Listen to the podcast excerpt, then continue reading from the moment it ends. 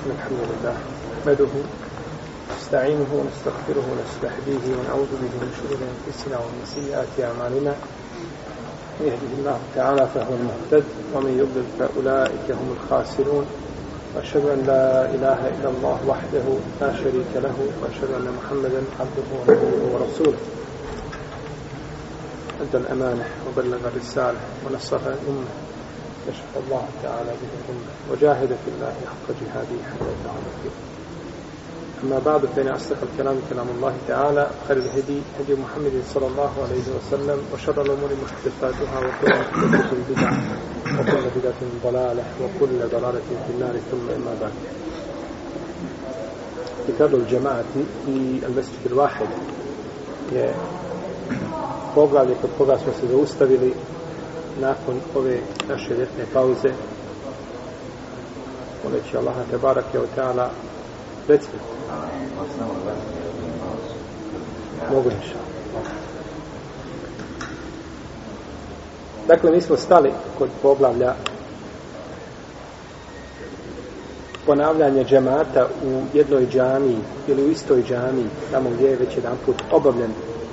Tu smo stali nakon ljetne pauze pa ćemo nastaviti sada do hađa koliko nam je ostalo pa ćemo opet napraviti jednu kraću pauzu Hoće Allah te barak te otala da nas pouči našoj vjeri propisima naše vjere i da nas usmrti na teuhidu i da nas proširi sa bogobojazni.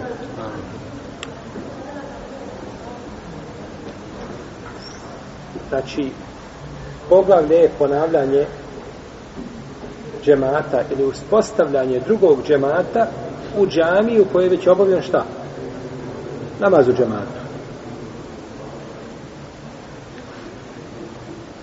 Kad se ovdje kratko zaustaviti samo znači na detaljima koji se tiču, ako bude želio više, ima posva teksta na Nimbaru o ovoj temi, pa može pogledati. Džamija kojoj se klanja namaz u džamatu može biti jedna od dvije džamije.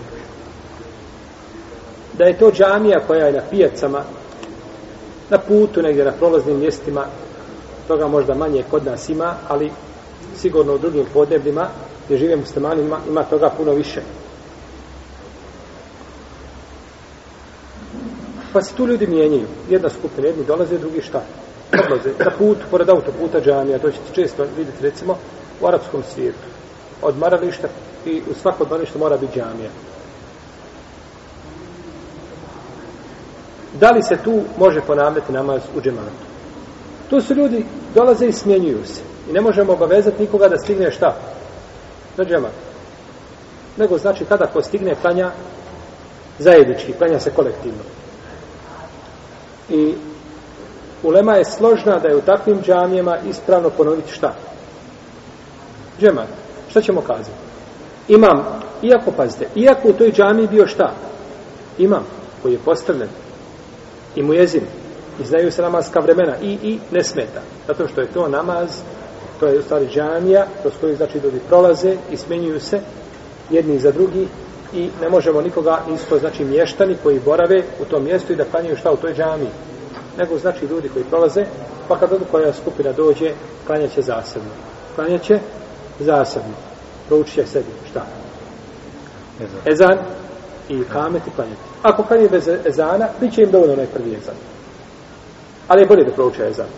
Kako je došao Denesa, kako ćemo spomenuti to, inša Allah, u, u predavanju. Znači, tu nema razilaženja. Drugo je da je to mesčid u naseljenom mjestu, znači, koji ima stalnog imama, da li je u takvoj džami dozvoljeno ponoviti džema?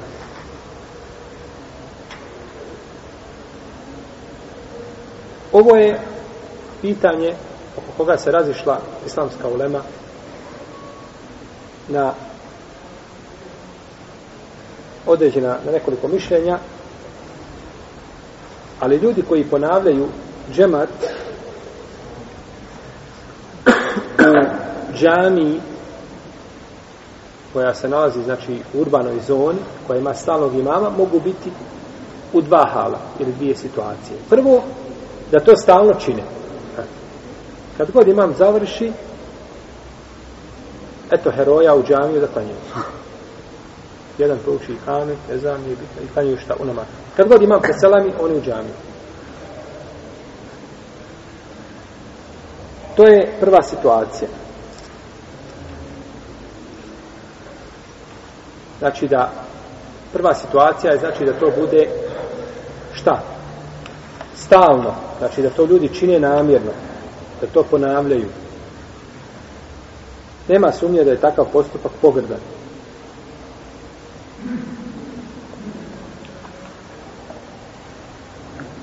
Jer u vrijeme poslanika sallallahu alejhi ve selleme i prvi generacija bilo je bio je samo jedan džemat. Jedan džemat koji ima svoga imama i klanjalo se iza imama. I tako je ostalo kroz stoljeće. Zna se znači da ima imam i da ima džemat. I da nije ispravno pored tog imama praviti druge džemate. Jer jednostavno takve stvari razjedinjuju muslimane. Cijepaju i parčaju njihov i onako slab džemat i njihovo slabo jedinstvo. Stoga su Malik i Šafija smatrali da je to pogrdno. Čak sam čuo šeha Albanija da je to stave Buhanife. Da su smatrali šeha Albani kaže da je rekao imave Buhanife i Malik. Kada bi čovjek ušao u džamiju, sam u jezin dođe i prouči jezan. Klanja sunnet. Nema nikoga. Nema nikoga. Hođa otišao sa džematom negdje na pijacu, otišli da igraju futbal, vratili se u džamiju, a on završio namaz. Jer kažu, klanjaju pojedinačno svaki. Ako su zakasnili, kako? Namjerno. Bez opravdanja šerijetskog, kaže, svako od njih pojedinačno klanja, a mu jezin je sam bio i mu jezin, i imam, i džemat, i sve što je bilo. On ima punu nagradu, a oni imaju pojedinačno da klanjaju. Tako kaže šeha Albani, prenoseći do ovih imama. Druga situacija je da to nije običaj ljudi, nego se desi nenamjerno da klanjaju. Takvima je dozvoljeno da ponove svoj džemat radi hadisa Ebu Sejder Hudbi, ako ga bilježi imam Tirmizi, Ebu Davud i drugi, da je poslanik sallallahu alaihi sallam je vidio čovjeka koji je ušao u džamiju, koji je zakasnio, pa je rekao, zar neće neko podijeliti sadako ovome da klanja sa njim. Pa je ustao čovjek i klanjao sa njim.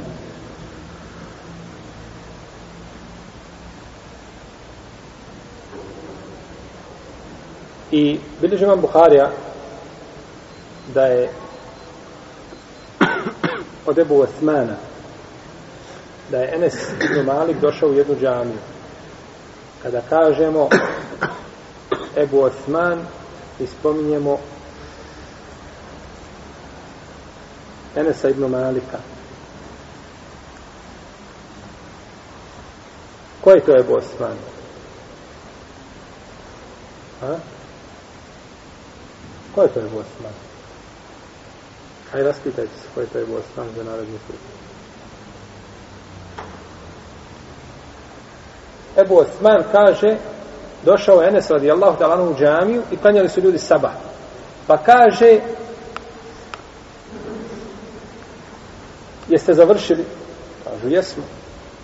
Pa je naredio čovjeku da prouči ezan i i kam. Pa su klanjali sabah namaz. Pa je naredio što da se prouči ezan i tako obilježi imam Buhari u svome sahihu. Imam al-Behaki dodaje da je bilo 20.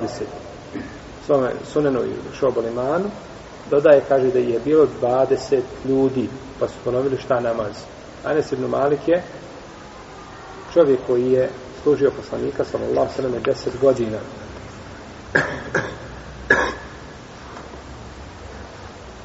I prenosi se od Seleme ibn Kuhejla da je Ibn Mesud ušao u džamiju, a naravno kao ljude da su završili namaz, pa je ponovio namaz sa svojicom, dvojom, svojom dvojicom učenika.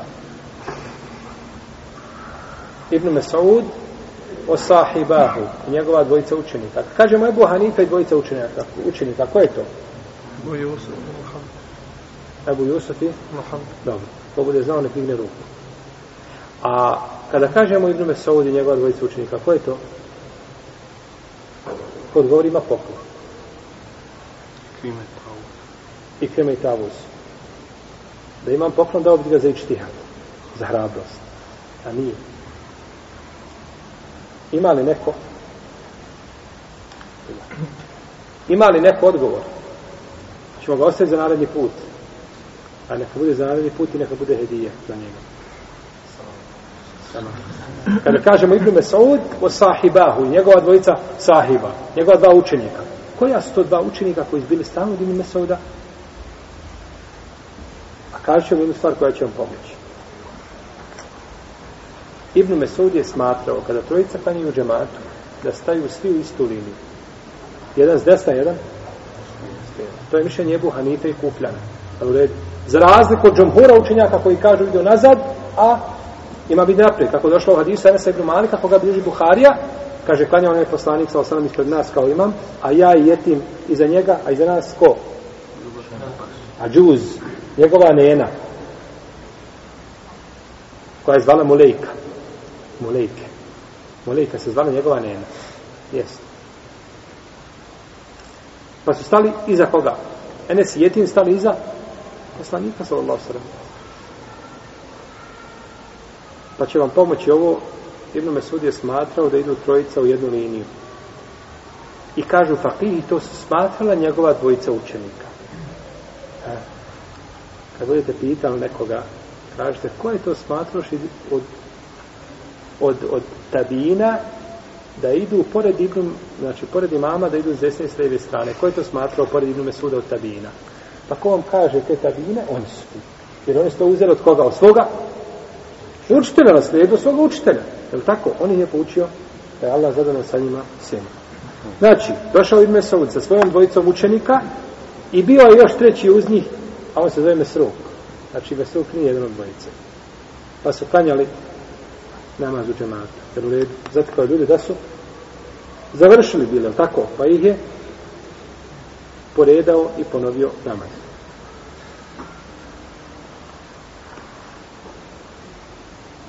Ko klanja samostalno namaz, potom dođe u džamiju, lijepo je da ponovi namaz sa imamom. Znači, ako imam, šta? Nije klanjao, jel? Ili on je klanjao prvo vrijeme, recimo sada nastupa podne u pola 12, u pola 1, jel tako? Ili nešto pređe pola 1. I čovjeku se žuri, hoće da ide na put, ne može čekati, klanja kući. I krene usputno, međutim, usputno opet ne nađe na džamiju. I uđe. Šta će uraditi? Klanja će sa, klanja će sa ljudima, znači ponovit će namaz, a to je došlo u hadisu, koga smo spominjali, da je poslanik sa osaname, vidio dvojicu ljudi koji su ušli ovaj, u a, Mesridul Hajf, Mesrid na Mini, poznati Mesrid na Mini, pa ih je vidio da sjede iza njega, ko je išao na hađ ili eventualno na umru, pa posjećivao gore mjesta, mogao vidjeti znači jednu veliku džamiju na Mini, to je Mesridul Hajf, kaže se da je u toj džamiji kanjalo 70 poslanika. To je došlo od poslanika sa osnovnom hadisu koji je munker, koji nije vjerodostan, ali je došlo od Ibnu Mesuda u vjerodostojnoj predaji da je to rekao. A Ibnu Mesud neće govoriti šta po svome nahođu. Vidio je dvojicu ljudi u Mesiru Hajf, kako šta? Sjede iza džemata, pa im je prišao, kaže, ali bihima. Kaže, ja ću se sa njima razračunati. Pa je krenuo prema njima, kaže Ravija, a ključne kosti sa njihove tresu od straha. Pa su vidjeli da je poslanik sa osvrem prilazio. Šta mislite, kakav je to strah da se ključne kosti tresu čovjeku? Pa je rekao, kaže, što niste klanjali sa nama? Zar niste muslimani? Pa, kaže Allahu poslaniče, mi smo klanjali našim šatrima gdje smo osjeli, pa smo sada Došlo ovdje, kaže, kad klanjate, kaže, na mjestu gdje ste, gdje boravite, i dođete u džamat, ponovite namaz. Ponovite ljudima sa u džemat, to će vam biti na fila. To će vam biti na fila. I pitao je Ebu Zer, radi Allah, telanu poslanika, sa osvijem, kako došlo muslimu u sahihu, kažemo Allahu poslanik, sa osvijem, o Ebu Zer, kako ćeš se ponašati kada dođu vladari koji će kasniti sa namazom, neće ga klanjati njegovo vrijeme propisano. Pa kaže Ebu Zer, šta mi savjetuješ Allahu poslaniče?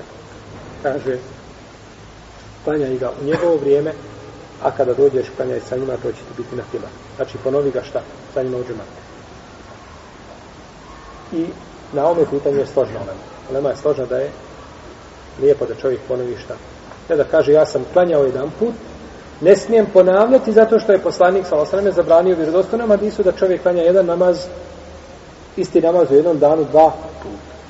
Ne, ovo ne klanjaš, nećeš nijeti podne, ako si ga već klanjao, nego nijeti šta? Na filu. Na filu i za imam. Dobro, ali čovjek klanjao, nije samo sam klanjao u džematu i dođe u džamiju. Šta će onda uraditi? Opet isti, opet isti, opet isti propis. Kada čuju malitije, bi se razračunavali sa vama. Malikije kažu, ako se klanja farz, nema ponavljanja. Osim u al-mesjidu al-haram, zbog vrijednosti namaza u tom mjestu. A kaže, kažu nema. A međutim, ispravno ono što kažu šafije i hambelije, i vi ste se složili sa njima, da, šta? Da će se ponoviti namaz. To je ispravno. Znači razlika, možda čovjek kaže ja sam klanjao sam pa došao u džemat, lijepo je da ponovim. Ali sam, već sam klanjao u džematu. Možda je džemat bio veći od ovoga. U redu. No međutim, bez obzira, kako god da bilo, čovjek će ponoviti šta? Namaz za, jeli, imamom u džami, jel, jer je ušao. Šta se čini nakon završenog namaza? Lijepo imam da se okrene prema džematnema. Nakon što imam kaže, salamu alaikum rahmetullah, za desnu i na lijevu stranu, lijepo je da okrene se prema džematu. Imam, braćo, nigdje ne okreće ljudima leđa, osim u mihrabu.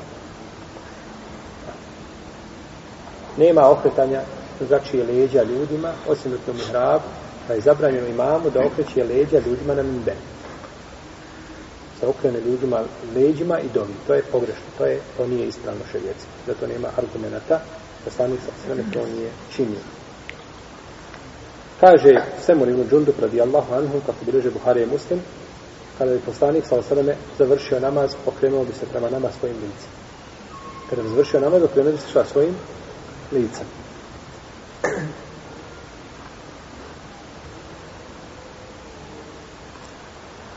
Kaže Al-Bara ibn Azib radijallahu anhu, klanjali smo iza poslanika sa osadame, pa smo voljeli da budemo sa njegove desne strane, kada bi se okrenuo, okrenuo bi se prema nama. Znači oni su na desnoj strani, on se okrene i biva prema njima okrenuto lice. Pa imam kada preselami, ostaće kratko dok ne kaže Allahume ente selam, aminte selam, te barakte, ja ente dželani, samo to. I nakon toga šta? A prije toga kaže šta? Estagfirullah tri puta. Znači, estagfirullah kaže tri puta. Pa vidimo grešku mu jezina kada uči za imama, kada mu jezini, i on odmah kaže šta? Allahum ente salam. Znači, imam dok preda selam, on istog momenta izgleda. Nema vremena da kaže tri puta šta? Estagfirullah. Čak ni, ni, ni, brzo da to izgovori da može. Pa ostavi sunnet. A zabavi se sa nečim što nije sunnet. To je pogrešno. To je pogrešno i propustio je veliku nagradu pristoje sebi veliku nagradu, jer kazati stakfirullah na tom časnom mjestu, kada čovjek izlazi iz namaza, koga je lijepo klanjao, oživljati iz njega bez grijeha. Propustio je veliku stvar, kaže na tom mjestu stakfirullah. Kaže tako Ajša radi Allah da je poslanik sa osrame, kada bi presalamio, ostao kratko na tom mjestu dok ne bi šta izgovorio, Allahum ente salam, do kraja, znači, ove dobe. Kaže Umu Selema radi Allahu ta'ala da je poslanik sa osaname ostao bi kratko na mjestu nakon salama. Kako su to znale žene? Poslanika sa Ili su gledale kroz prozor, ili su kratko poslanika sa osaname. Umu Seleme jedne prilike češljala je njena sluškinja. Pa je poslanik sa, sa Mimbara rekao, ja ejuhen nas, o ljudi. Kaže, pusti me, kaže. I dotrčala je do prozora da vidi šta će poslanik sa osaname kazati crni bere. Pa kaže, sluškinja, Ma nisi ti, majko, vjernika, ne zove tebe, kaže, to ljude zove, kaže, pusti me i ja sam, kaže, od ljudi. Kad uzviši mi Allah kaže u Kur'anu, ja i nas, a koga su ono muškarca na žene? Sve. Ona je htjela kazati, to je za muškarce, njima hutba nije tebi, kaže, ja sam, on je rekao, je nas, a nas su ljudi, obuhvataj muškarce i žene, kaže, ja sam od ljudi.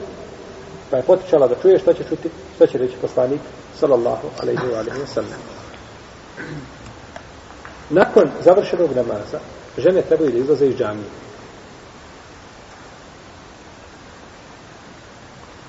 Kaže Umu Seleme, kako je došao od iz koga smo prethodno ili spomenuli, koji se nalazi kod Buharije i Budavuda i drugi, da bi poslanik sa osvijem nakon namaza ostao da sjedi kratko.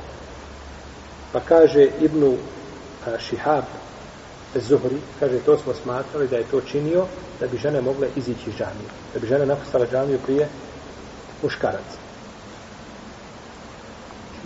I kaže Umu Seleme da su žene u vrijeme poslanika sallallahu sallam i uprede bliži vam Buhari u tomu sahihu kada bi preselamio poslanik sallallahu sallam da bi izlazila iz džamije a ostao bi poslanik sallallahu sallam na svom mjestu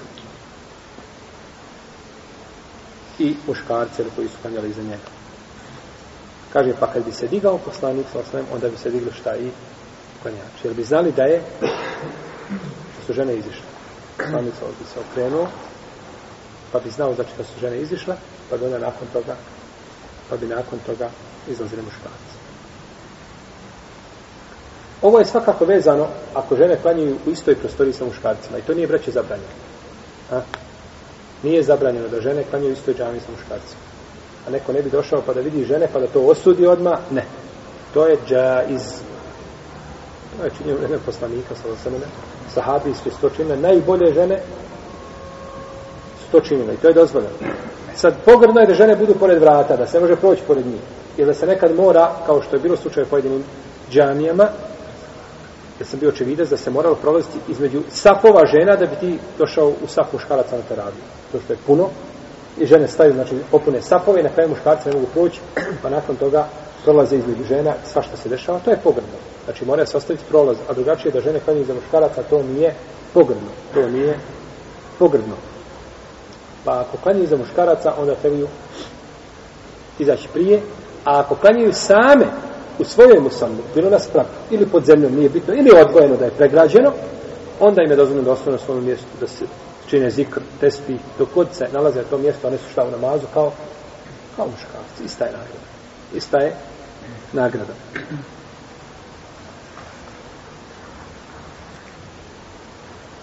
No, međutim, bolje je da žene imaju svoj ulaz To je bolje. To je preče. Našto u vremenu kada se pojave, znači, nered, fitnet, to je preče i čiš, čiš, čišće, znači, za uh, ženska i za muška srca. Jer je došlo u predaji koji bilježe Budavudi, koja je vjerodostojna, da je Omer ibn Khattab radijallahu anhu rekao kada bi ostavio ova vrata za žene. Pa je rekao ibn Omer, kaže, nakon, nikad toga, nakon toga nikad više nisam ušao na ta vrata, I jeli, nakon riječi njegovog babe Omara, da smo je ostavili za žene. Kaže, nikad više nisam ušao na ta vrata. I danas u većini, jeli, ovaj, džamija po islamskom svijetu, a i kod nas u mnogim džamijama, znači ima poseban ulaz za muškarci za žene, što je pohvalno, što je pohvalno i to nije niko osudio. Kada čovjek ulazi u džamiju, jel, poznato je doma, ovaj, da da se salavat na poslanika sallallahu alejhi i da kaže Allahumma iftah li abwaab rahmetik a kad izlazi da kaže šta? Isto da se salavat i da kaže Allahumma mm a sim min shaytan rajim tako tražiš kad ulaziš u džamiju gospodar moj otvori mi vrata svoje milosti nisi rekao kad ulaziš u džamiju Allahu sačuvaj šejtana protiv jer je džamija mjesto gdje se čini ibadet, gdje se čini hajr, pokornost Allahu tabarik, pa tražiš da te Allah otvori vrata tog šta? Hajra. A kada izažiš iz džamije, on te čeka na dobraticima da iziđeš i onda ti ta tražiš šta utočište od prokletog šeita. Je tako? A, spomenut ćemo nešto o propisima koji se tiču džamija.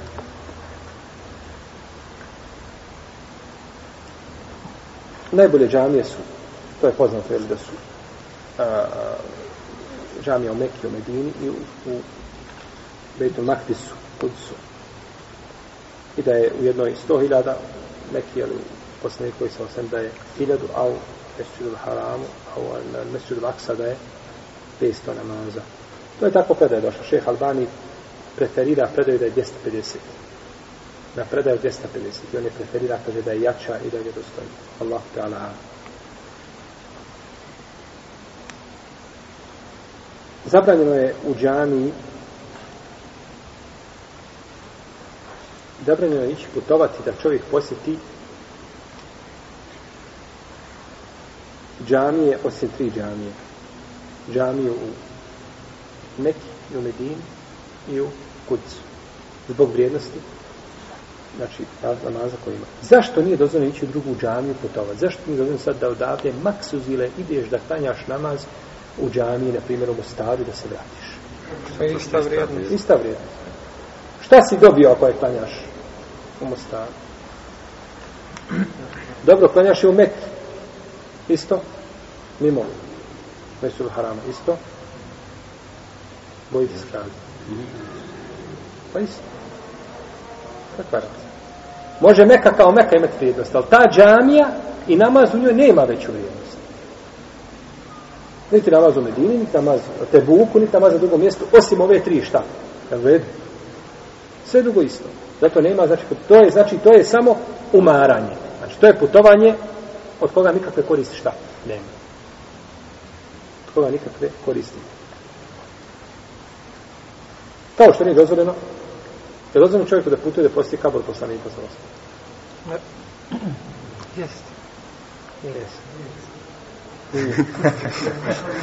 Jeste. Digni glas. Nije još jače. Tako je. Nije dozvoljeno, braćo. Ne može čovjek ići da posjeti kabur poslanika. To mu cilj, da ide da posjeti kabur da se vrati. To nije ispravno. To kod ehlu sunata nije ispravno.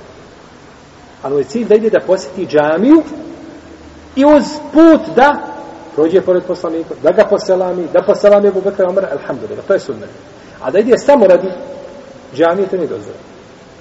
Iako se slomiše, znači, ovaj sufije i njima slične to dokažu, međutim, to nema osnove. Nema osnove, ne može čovjek Taman kabor, vi ne volite poslanika, sa osam, vi ne, ne, ne, ne, poslanik ne voli se emocijama, nego se voli kako? Propisima. Pa da je bilo emocijama, čovjek mi je pričao, kaže, došla nam je jedan put u, u, u boci jednoj dlaka, kaže, dlaka poslanika, sallallahu alaihi sallam. Kaže, nikada se, kaže, isplakao u životu nisam, kao tada koliko sam trljao sebe i plakao i tako.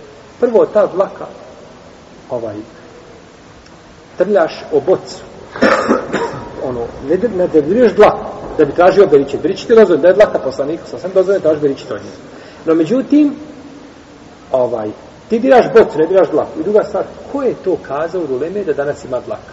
Šeho Lislam Ibn Sejite im je u svoje vrijeme govori kaže, nema, kaže, ništa od poslanika sa osam. Koje on godine umro? 700? 28.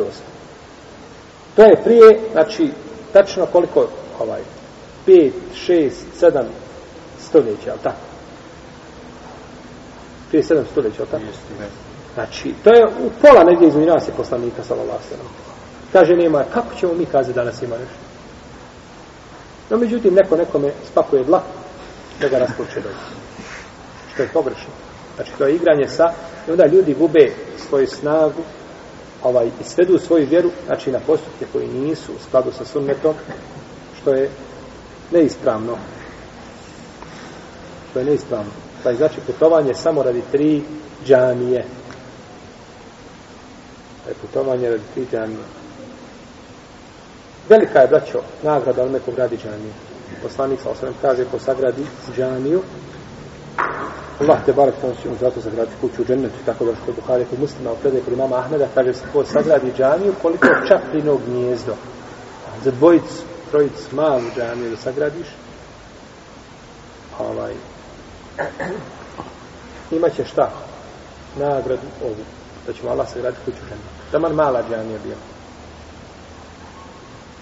Zato neka olema govorila da mi dozvome kazati mala džanija. Niti dozvome kazati mali Kur'an. Nego se kaže manja građevina džamije, manji format mushafa i tako nešto, ali ne mali musaf i mala džamija. I o tome voli Ibn Abi Davud ima svoje dijelo koje zove Masahif i o tome su spominjali. I u nama to spominje, da li razumije kazati mala džamija i mali musaf, o tome priđe. Sjetio sam kad sam rekao mala džamija, samo sam vam spominjao da Ibn Mesaud rekao da on i njegova dva sahiba ovaj, su smatrali da treba klanjati kada klanjaju trojica, da klanjaju šta jedan s lijeva jedan s desna. Međutim, jedna ulema kažu, nije to stav Ibn Mesud. Pa kažu, kako ni kažu, pa on je tako klanjao, kažu, jer kažu, jeste tako klanjao, to nije njegov stav. Pa kažu, kako je klanjao ni stav? Kaže, pa bila je tijesno mjesto gdje je klanjao.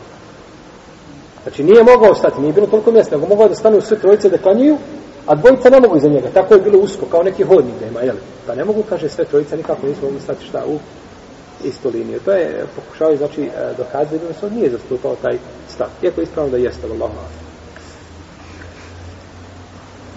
Dobro. E, džamije je ovaj, e, pogrdno ukrašavati. Džamije je pogrdno ukrašavati kaže Ibn Abbas da je poslanik sallallahu alejhi ve rekao nisam naredio da se džamije ukrašavaju. Kaže Ibn Abbas vi ćete ukrašavati svoje džamije kao što ukrašavaju židovi kršćani svoje bogomene. Na isti način. Radi Allahu ta'ala Kako je pričao, kao da je objav dobivao. Tako. Danas se braćo, ušao sam u jednu džamiju, 25, nije kod nas, hvala Allah, 25.000 eura je koštalo ukrašavanje iznutra, samo onih, onih, onih. Oni polulukovi mali cetići, što i tako dalje. Znači, u bojama nema ih na zemlji da ih nema. Znači, sve moguće nijanse koje imate i koje znate, plus. Znači, sabrane su 25.000 eura. I tepi sličan tome, i koji se god okreneš šalino oko tebe, i onda pričaš ljudima kako treba biti skrušeno na namazu. A to odvodi čovjeka, znači i, i ovaj, njegove skrušenosti. Tako da, džamija, znači, ne treba biti ukrašena.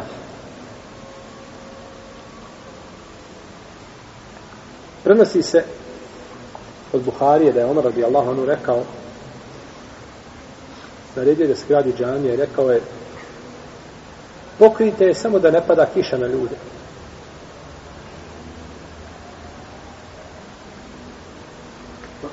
A kaže, nemojte da u njoj ima crvene niti žute boje, pa da ljudi budu iskušani, da padnu u kušu. Znači ono što odvodi ljude, ne treba biti džami. Džamiju treba čistiti, uređivati.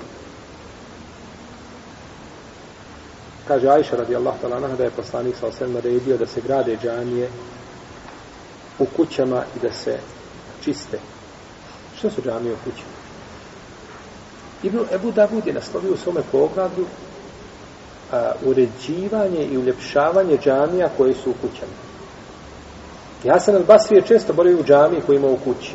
Pa kad bi mu došao neko da ga traži koga ne voli, rekao bi sluškinji, idi recimo da sam u džamiji.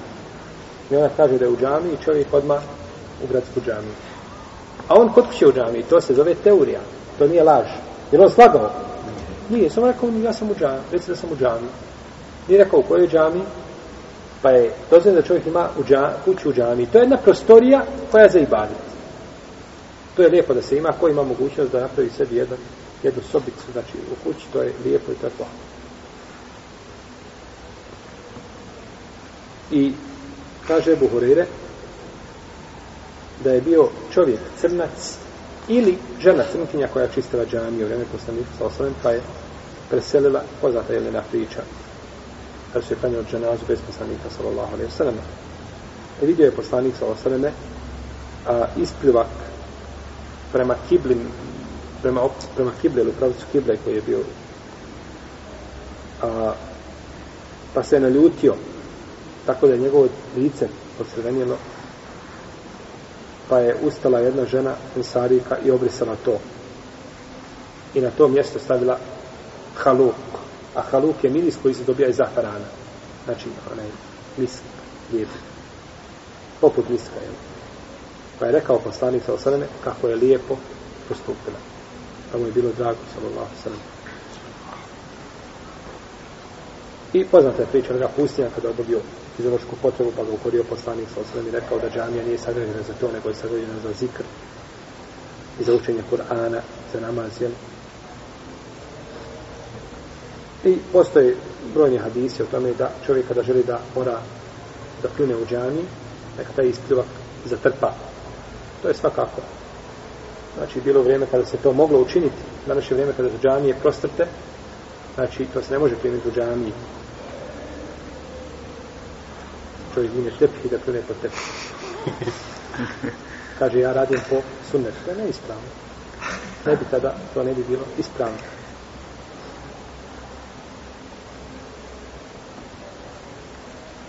Kaže poslanik sallallahu alejhi ve selleme u hadisu koga bilježi Muslim pokazana su mi djela moga umeta dobra i loša. Pa sam vidio da je jedno od lijepih ili među najljepšim djelima da se ukloni stvar koja smeta prolaznicima sa puta. A vidio sam da je jedno od ružnih dijela da se vidi ispljuvak u džami koji nije ukopan. Koji nije šta? Ukopan, koji nije zatrpan. Znači da se zatrpa, tada ga nema. Uđe da se vidi, budući znači da su naše džamije prosto na ovakav način, to je ispravno raditi, to se ne može šta? Ne može zatrpati, to ostaje. To ostaje. Onda bismo isto kazali, kada bi čovjek došao i obavio fiziološku potrebu džami, dovoljno je ovdje na tepi da se pospije šta? Je to dovoljno? Ali bolje smo još napravili. I drugo smo onda još uprljali ono što je došlo preko te vode, samo je razmijelo. Znači, to je prijedlo za džamije. Ako imamo džamiju koja ima to, onda se primjenjuje šta taj hadis. U protivnom se ne može primjenjivati. U protivnom se ne može primjenjivati.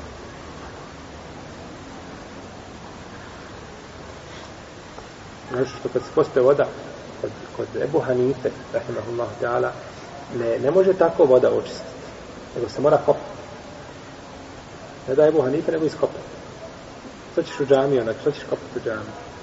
Ne bi znači se moglo to primjenjivati nikako ili na naši Tako da ne neko shvatio zašto je poslanik. Rekao je te znači hadise u određenim okolnostima. Pa kad se kod nas stavlju te okolnosti, svakako ti hadisi vrijedi. Ali ako nema tih okolnosti, onda onda ne bi vjedli, jeli, hadisi u onome klasičnom smislu. A sunnet ostaje sačuvan i, jeli, sunnet poslanika sa osam je validan za sva podneblja, znači, sva vremena.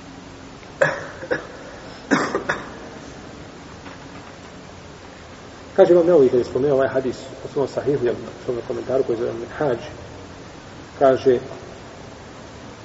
i ovaj hadis jasno ukazuje na pogrdu čovjeka koji pljune u džani, a ne zatrpa ono što je jel, iskreno. I kaže, ovo, u, ova, u ovu pogrdu ulazi svako ko vidi, to ne očisti. Znači, vidiš i prolaziš pored toga, isto si šta? Pogriđen kao neko je to učinio.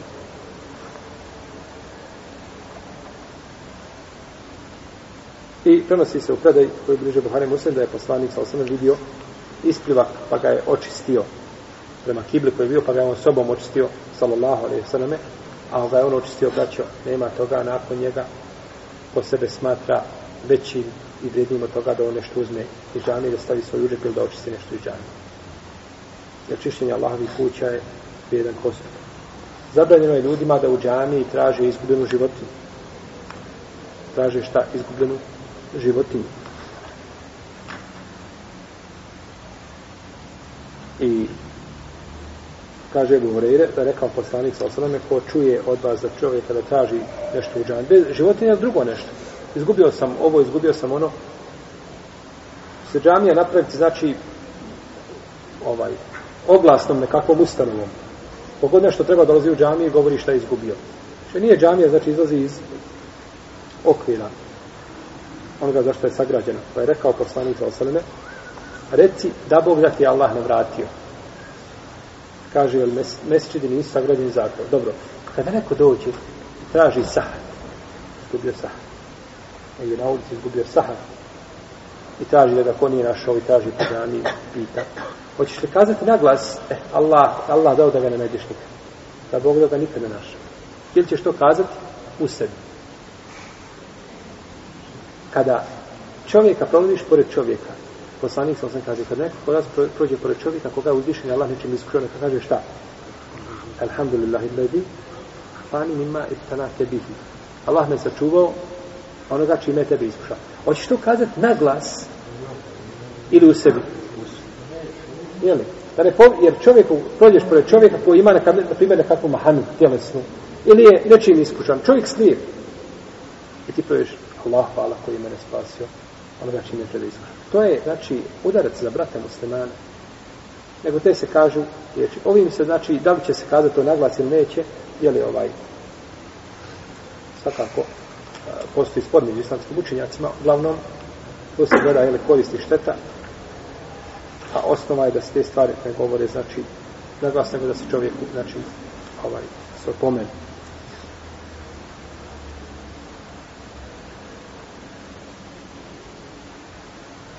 Zabranjeno je prodavanje i kupovanje u džaniji. I zabranjeno je da se u džami recituju stihovi. A, zabranjeno je da se u džami recituju stihovi.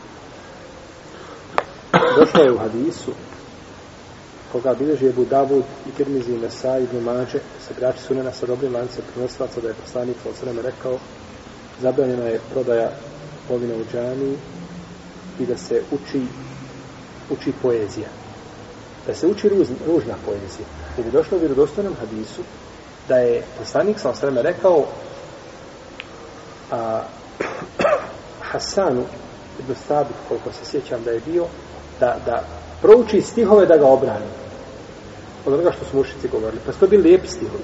Pa ovo kada skane zabranjene je zabranjeno stihove, da se odnosi na ružne stihove, koji su pogledni, znači poslije. I kaže dalje poslanik sa osrame i da se traži izgubljena životinja u džami u anil hileqi jeumel džumuati kable sada. Ovdje elif lam ha lam qa tako je došlo u riječi pa se može pročiti el halq. El halaq. El hilq. El hilaq. Može se pročitati na razne načine a nema čega. Nema vokala. Pa me danas jedan brat nazvao. Kaže čitam u jednoj knjizi i spominje jednog našeg doktora koji je napisao jednu knjigu koja je vrijedna knjiga, poučna, a ja je neću spominjati koja je, jer nama je cilj da popravimo svatanje, a nikako da sramotimo ljude, jel? Prevodi ovaj hadis i zabranio je poslanik sa osvijem prodaju i kupovinu u džani i da se uči jeli, poezija i da se traži ljudna životinja i da se čovjek brije prije džume. Halaka u arabskom znači obrijat. Halaka li jetehu znači obrijao je ovaj svoju bradu. I da se briješ petkom prije džume. U redu. Kod misle na brijanje brade, to je zabranjeno uvijek brijanje brade mi dozvoljeno nikako. I prije džume, i poslije To je zabranjeno. A ako misle na prijanje kose, brijanje kose dozvoljeno i prije džume i poslije džume, kako hoćeš. Pa je po, prevod pogrešan. Ovdje se misli na hilak, hilak, misli se na halke, da ljudi sjede u džamijama i uče Kur'an. Ete haluk, to su potumačili kako i do Kudame, i do Mufleh, i imam El Menavi, i drugi, svi su to potumačili tako naš niko. Nije to niko tumačio, od poznatih islamskih učenjaka. Iako spominje imam Elmenavi u svome dijelu Fejdul Kadir, kaže, došao mi je čovjek i rekao, kaže, 20 godina se nisam obrijao, kaže, prije džume, nisam glavu obrijao, 20 godina prije džume, nakon kaže što sam čuo ovaj hadis. Pa je pogrešno šta? Pogrešno razumio, pogrešno shvatio hadis. Hadis se odnosi na bijanje glave, nego se odnosi na spravljanje halki, zato što je to prije džume petkom, ljudi su u halkama, uče, dižu glasove i ometaju šta? Drugi, a to je zabranjeno. Ja sam, hadis ja sam kod A nije nikako brijanje, jer je poznato da brijanje glave nije zabranjeno. Da brijanje glave nije zabranjeno. Kako će se onda riječ pročitati? El hila. To je a, a, od et. To je znači pravljanje halki. Pravljanje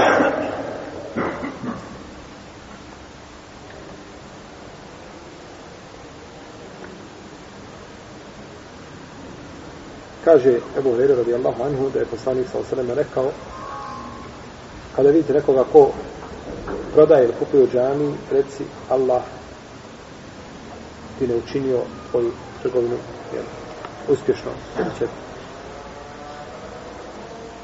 I Ulema kaže da je ovaj, da su ovi hadisi da je ovo neko da je neko da nije klasični haram to kaže većina čumur ili da je to mekro, a ne da je haram svakom slučaju zabrana kada je došla, ne treba čovjek da pravi razliku između ovoga i ovoga, dužan se čovjek da to ostavi. Što se tiče prodavanja na vratima, mjeseči da odmah nakon ne smeta, ali bez prizivanja. Ti izloži svoju robu živ bio i prodaj. Bez prisiljavanja ljudi da kupuju. Jer je, prenosi se kod Buhari muslima da je Omar radijallahu anhu izišao iz džamije sa poslanikom sallallahu i vidio je na vratima džamijskim da se prodaje jedan lijepa vrtačka. Pa mu je rekao Allahu poslaniče kada bi ovo kupio dobro ga petkom na džamiju. Pa je prodavano gdje? Ispred džamije, na vratima džamijskim. Nije u džamiji, to je van. Dok je van, znači na ome ovdje pod jednak je obuća, tu je dozvoljeno da se prodaje nešto i da se kupuje. I da čovjek plati što nije džamija. Džamija je nakon vrata ono. Pa čovjek ako mu je nužda ne mora bježati od onoga što mu je dozvoljeno, ali znači bez dizanja glasa i bez ometanja klanjača koji se nalaze u džami.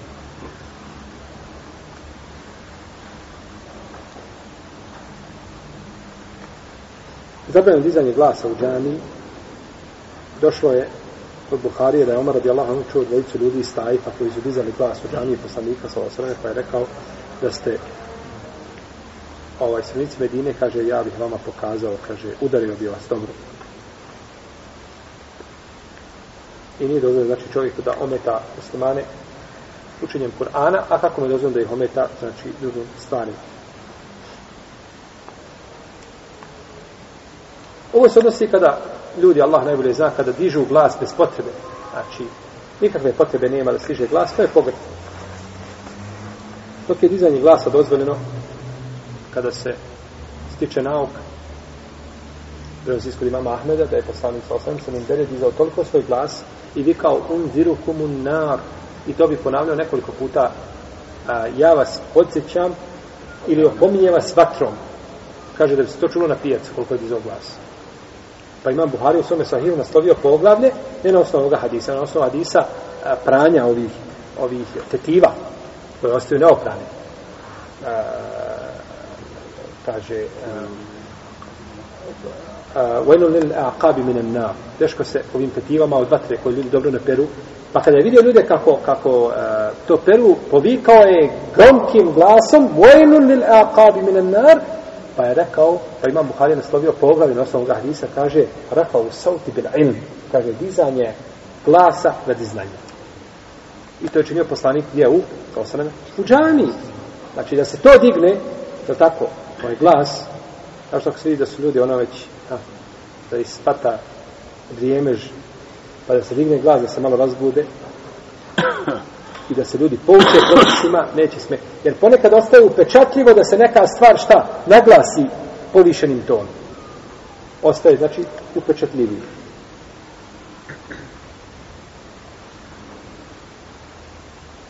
A normalna lijepa priča u džami koja je mubah ne mora biti vezana za vjeru. Ne mora biti vezana za vjeru je dozvoljeno išao tako tome nema smetnje jer je došlo kod muslima u sahihu od Džabira i Busemure kaže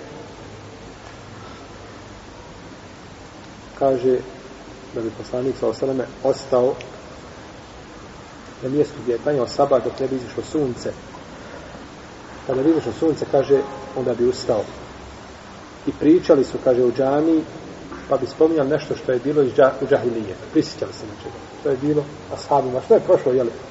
Kroz džahilijet, ovaj, pa bi se smijali, a poslanik, sallallahu sallam, bi šta?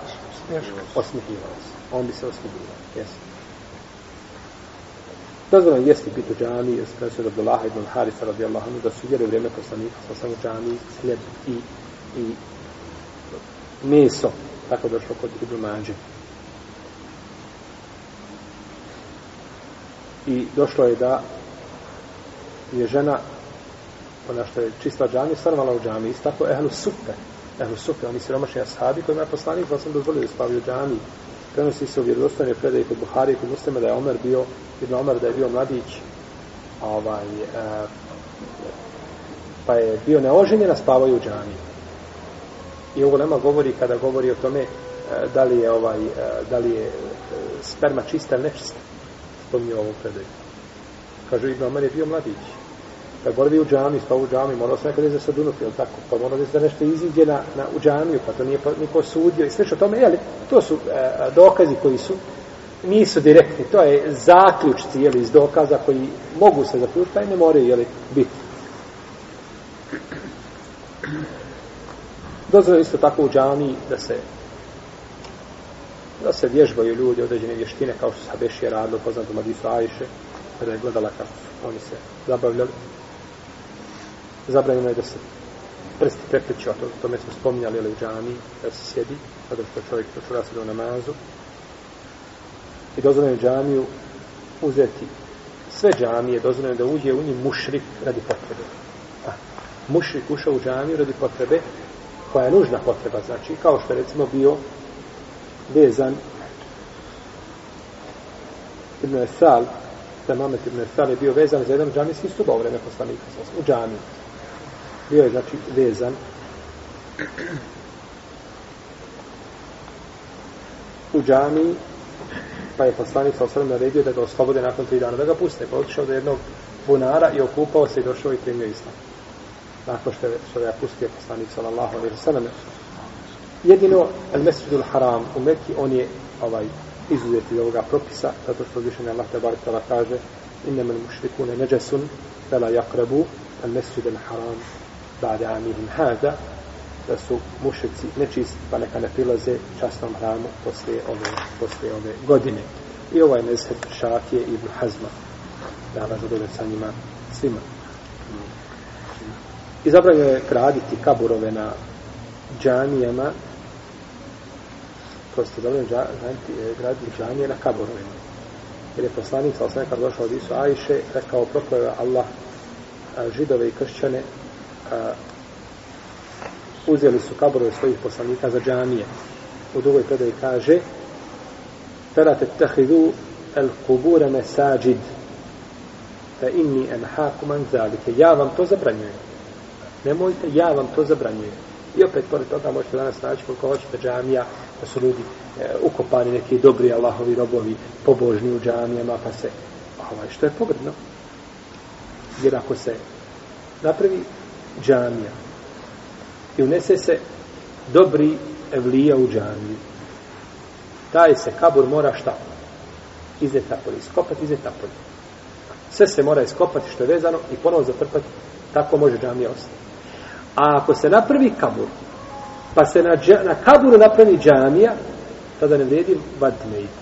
Tada treba rušiti džamiju. Treba šta? Rušiti džamiju. Znači pravilo je ko je prvi došao, to je njegovo. Ako je džamija došla, ostaje džamija. Ako je došao kabur, pa se sagradi džamija, tamo kad bi izvadio kabur, ne vrijedi. Nego, kabur, nego mora džamija ići do zga. Do.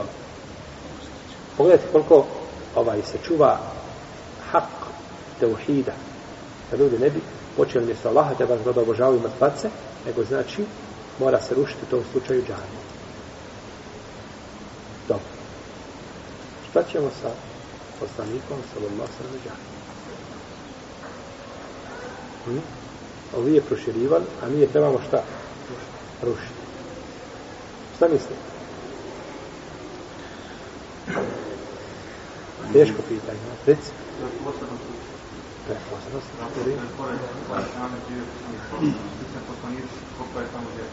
Bravo, bravo, bravo. Molim? Nije bilo namijen da bude kabur u džami, nego džami se širila pa je zahvatila. Aha, aha, jeste vidjeli ovo? Znači, poslanik je sam ukupan u sobi, a iše rodio. Nije to bilo mjesto džamije, nego kad se džamija proširivala, Allah ali koliko seđamo, 88. iđeske godine, u vreme Marvana ibn Abdul Meleka, da je tada u Medini nije bila sahaba. Neki su bili van, a većina ih je presela. Pa su širenjem obuhvatili džamiju.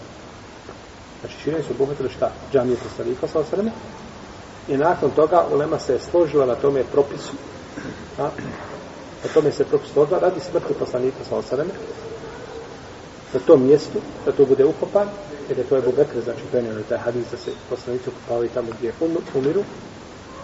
Pa nikada niko do Leme nije osudio, znači takav namaz, pa je pogrešno, znači da se time prijas čini na druge na druge džamije.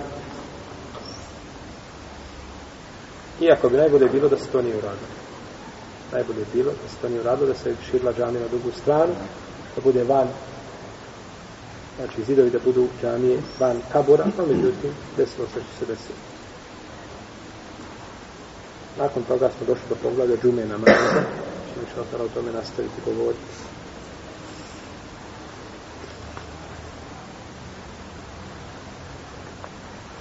Će Allah, tabar, kada nas pouči našoj vjeri sunnetu, sallallahu alaihi wa sallam, Allah, ta'ala, sallallahu alaihi wa Muhammed, sallallahu alaihi wa sallam. Ima pitanja do, do namaza, koliko vas treba do izama? Par minuta je. Peši smo. Reci. Čuo sam da je ovaj stav šeha i banja da on imao problema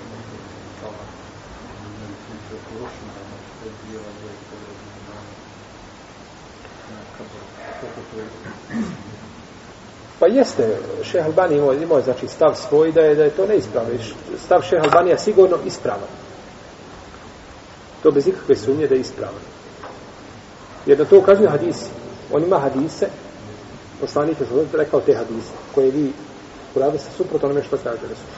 Međutim, jednostavno ovdje ima problem, znači, nereda koji bi se desili nakon toga. Ponekad ima stvar koja je hak i treba je učiniti. Ali se ne čini zato što jednostavno izazvala bi veliku buru i probleme. Šta mi se danas uradi ovaj, da, da, da Saudijska Arabija sruši toj dio džamije ili da iznese kabor poslanika, primjer, da iznese kabor poslanika na drugom mjestu. Znate kakva bi to priča bila i kako bi se ovaj, kako bi to zlo nanenalo islamu, muslimanima. Tako da ovaj sigurno da je stav šeha Albanija građen na argumentima i jasnim hadisima. To je zabranjeno.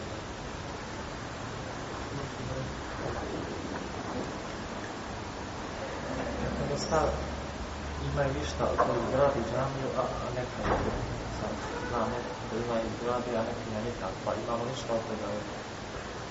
To se vraća znači na pitanje isto. Alejkum selam. To se vraća na pitanje ovaj na pitanje čovjeka koji ostavi namaz, šta je sa njim? Pa puta u džamiju, ovako dođe, džemat, izostavi džemat, a ima imućan to pomaže džamiju, narod, pa sad To ljudi znači rade iz, iz svojih ovaj iz svojih emocija, pomažu, vole islam, oni su. A međutim njegova praksa je njegova praksa je znači ili negira to ili ukazuje da je u njemu jako malo jel, prisutno islama. U svakom slučaju, kažemo, ako, ako se taj čovjek smatra muslimanom, ima nagradu za to što čini, a dvije što ne klanja. A ako ga čovjek smatra nemuslimanom, nema ništa. To je pitanje razilaženja. Kao kad smo govorili o pitanju mesa, kao kad smo govorili o pitanju bilo čega drugog. Ko kaže da čovjek prosti na vas nije musliman, je gradio džamije, je gradio ovaj, palate, ljudi muslimanima, ništa mu to ne koristi, jer nema temelja. Ako kaže da je on musliman, ali teški griješnik, on ima nagradu za djelo koje čini, a bit će odgovoran za namaz koji je ostavio. U svakom slučaju, ovaj, ne čini on puno. Kad bi sagradio miliona džamija, bolje mu je da je klanjao pet fakata da nije ide džamije napravljeni. Međutim, ljudi to ne shvate. Ljudi to ne misle da je dovoljno da bude u srcu dobar musliman, a da gradi džamije i da će ga to spasiti. Neće ga to spasiti. To ga neće spasiti ovaj, kazne. Zvestam ste da sam da kasnem na namazu koji mi imam pogriješio. Dobro. Da kasnem na jedan, na dva Dobro. Pa on treba da uči na sehs nešto. Dobro. I preselam. Dobro. Ja ne trebam na preselam. To se ne, je, je li tako? Jest. Tačan to. On ako čini sehvi seždu prije salama, učiniš sa njim. A ako čini posle salama, onda dok preselami ti ustaješ, neš ga čekati. Jer on dok je preselamio, ti nisi preselamio sa njim. Znači, preskočio sa time, si već kazao, kao da se rekao imamu, ja tebe više šta ne, ne slijedim. I sad jedan put preskočio staj rukni i opet ga slijediš. Ti dok neš da preselamiš sa njim, to ukazuje da ti više dok imama šta ne, ne slijediš. Nego ustaješ i obaviš ti šta ti je ostalo i onda ti da kad se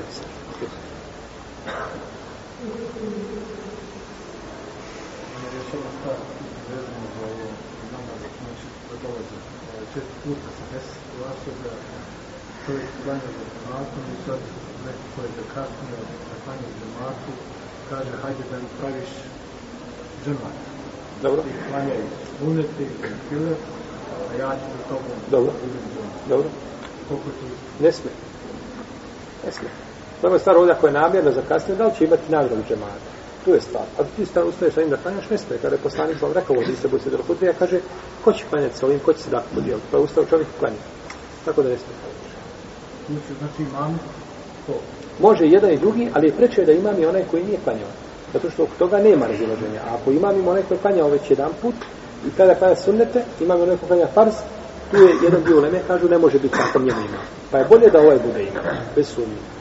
Bez... Nije. Nije. Ebu Hanif, nije Ebu Hanife doživio Ibn Mesud. Ebu Hanife, kaže se za Ebu Hanife da je doživio Anesa ibn Malika i to navode mnogi. Prilike oko, oko dvadesetak muhadisa veliki spomnju da je Ebu Hanife doživio im Enes ibn Malika i da ga je vidio. Pa kažu da je Ebu Hanife jedini tabin od četiri mama. Tako da, i to je mišljenje jako. Jako je mišljenje, znači kod islam, mnogi spomnju da je Ebu, da je Ebu Hanife vidio Enesa ibn Malika. Da li je čuo od njega, nije čuo, nije uslov. Dovoljno da ga šta? Da ga vidi i da u tom momentu bude musliman. I da umre na islam. Kao što je ashab kada je u pitanju ko? Poslanica osam. To je znači definicija tabina. Ebu Hanife, alhamdulillah, ispunio sve ovo.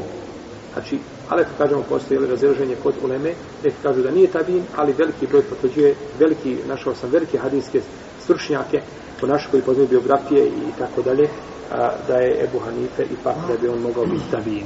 Rahimahullahu ta'ala. Ja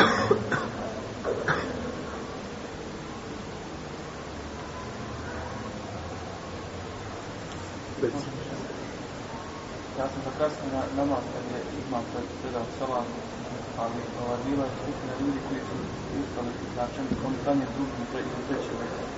Da li, ja, da li sam ja dužan da slijedim njih ili, ili klanjam da se Nisi dužan da ih islediš. Nisi dužan da ih islediš. To nije bila praksa. Selefa da neko uđe, da nekoga dotakne, da klanja iza njega. Nije bila praksa. A ako čovjek učini, inša Allah da, salam alaikum. Znači, dobili. Ako je čovjek želio da stigne na džemat i nije uspio zato što je bio spriječen ne svojom voljom, svojim izborom, ima nagradu džemata po nijetu. Jer uzvišen je Allah žal nagrađuje ljude po nijetu, a ne po djelima koje su činili.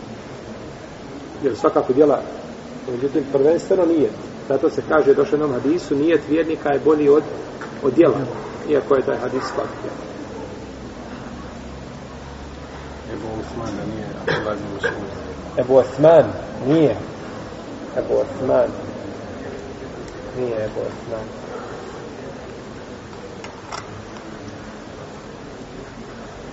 Kad kažemo Ebu Horeire, znamo ko je Ebu Horeire? Abdurrahman ibn Sah. jel? To je jedno od 20 mišljenja.